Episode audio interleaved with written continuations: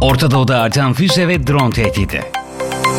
İran ve velaket savaşçılarının asimetrik kabiliyetlerinin son kurbanı Birleşik Arap Emirlikleri. 14 Eylül 2019 tarihi Körfez bölgesindeki Arap ülkelerinin İran ve onun uzantısı silahlı grupların asimetrik savaş metotlarından bir yenisiyle tanıştıkları gün olarak tarihe geçti. Sabah saat 04 sıralarında iki dalga halinde gelen füze ve dronlar Suudi Arabistan'ın doğusunda devlet petrol şirketi Aramco'nun tesislerini vurdu. Saldırıda can kaybı olmadı. Ancak Suudi Arabistan Yunanistan'ın o dönem 9 milyon varilin üzerinde petrol üretimi bir anda 4 milyon varil civarına geriledi. Uluslararası enerji piyasalarında yaşanan dalgalanma aylarca devam etti. Saldırıyı Suudi Arabistan, Birleşik Arap Emirlikleri koalisyonunun desteklediği güçlerle savaşan Yemen'deki İran yanlısı Husiler üstlendi. Ancak Amerika Birleşik Devletleri ve Avrupa ülkeleri bu iddiayı şüpheli buldu. Farklı istihbarat kaynaklarına göre dronlar ve füzeler İran'ın güneyinden ya da Irak'ın güneyindeki İran yanlısı gruplar tarafından gönderilmişti. Saldırı sırasında Suudi Arabistan hava savunma sistemlerinin hiçbir reaksiyon verememesi tartışma konusu oldu.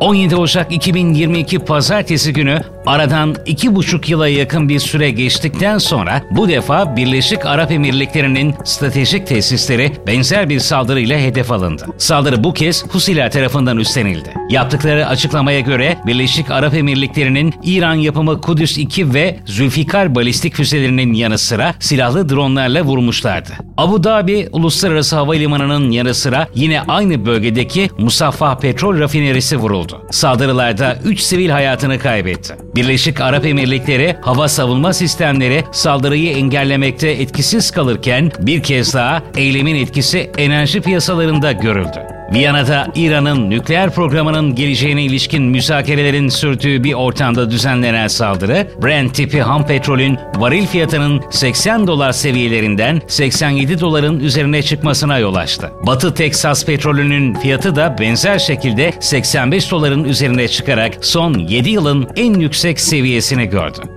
Amerika Birleşik Devletleri başta olmak üzere uluslararası toplum saldırıyı kınadı. Suudi Arabistan ve Birleşik Arap Emirlikleri misilleme olarak Husilerin kontrolündeki Yemen'in başkenti Sana'ya hava saldırıları düzenlediler.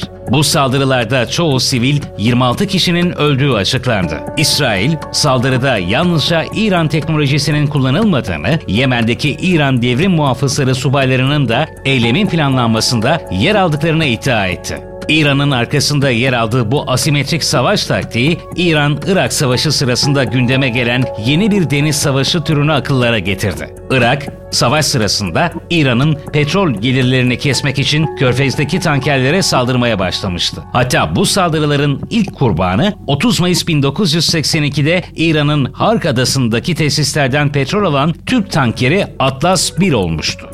Ancak tanker savaşı adı verilen bu süreç, İran, Fransa'dan Super Itendard savaş uçakları ve Exocet füzeleri edilmesiyle yeni bir boyut kazandı. İran uzun süre yetersiz silah kapasitesi nedeniyle karşılık vermekte zorlandı. 1987'de Çin malı CSSC-2 tipi gemilere karşı kullanılan füzeleri elde eden İran, bu tarihten itibaren yalnızca İran değil, ona destek veren Körfez ülkelerinin başta Kuveyt olmak üzere petrol tankerlerine saldırmaya başladı. Artan İran saldırıları karşısında 1 Kasım 1986'da Kuveyt petrol tankerlerinin korunması için uluslararası toplumdan yardım istedi. Bu talep Amerikan donanmasının İran körfezine girişiyle karşılık buldu. 1987 yılının yaz mevsiminde 1988'in ilkbahar aylarına kadar Amerikan donanmasıyla İran devrim muhafızları çeşitli defalar çatışmaya girdi. Bu çatışmalarda İran'a ait savaş gemileri batırıldı.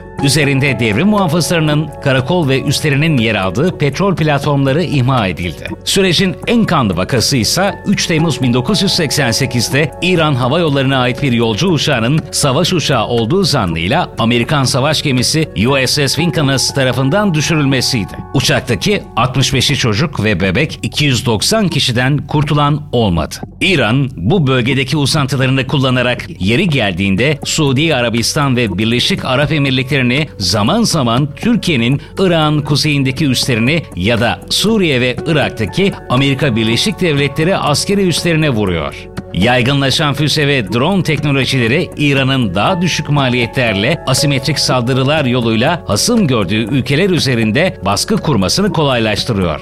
Viyana'da İran'ın nükleer programına yönelik müzakerelerden sonuç alınamaması halinde çok yakın gelecekte Orta Doğu'da yüksek irtifa hava savunma sistemleri kadar alçak irtifa sistemlerine de yoğun talebin doğacağı günler yaşanacak. GDH Dijital tarafından hazırlanan diğer podcastleri Spotify, SoundCloud ve Apple Podcast üzerinden dinleyebilirsiniz.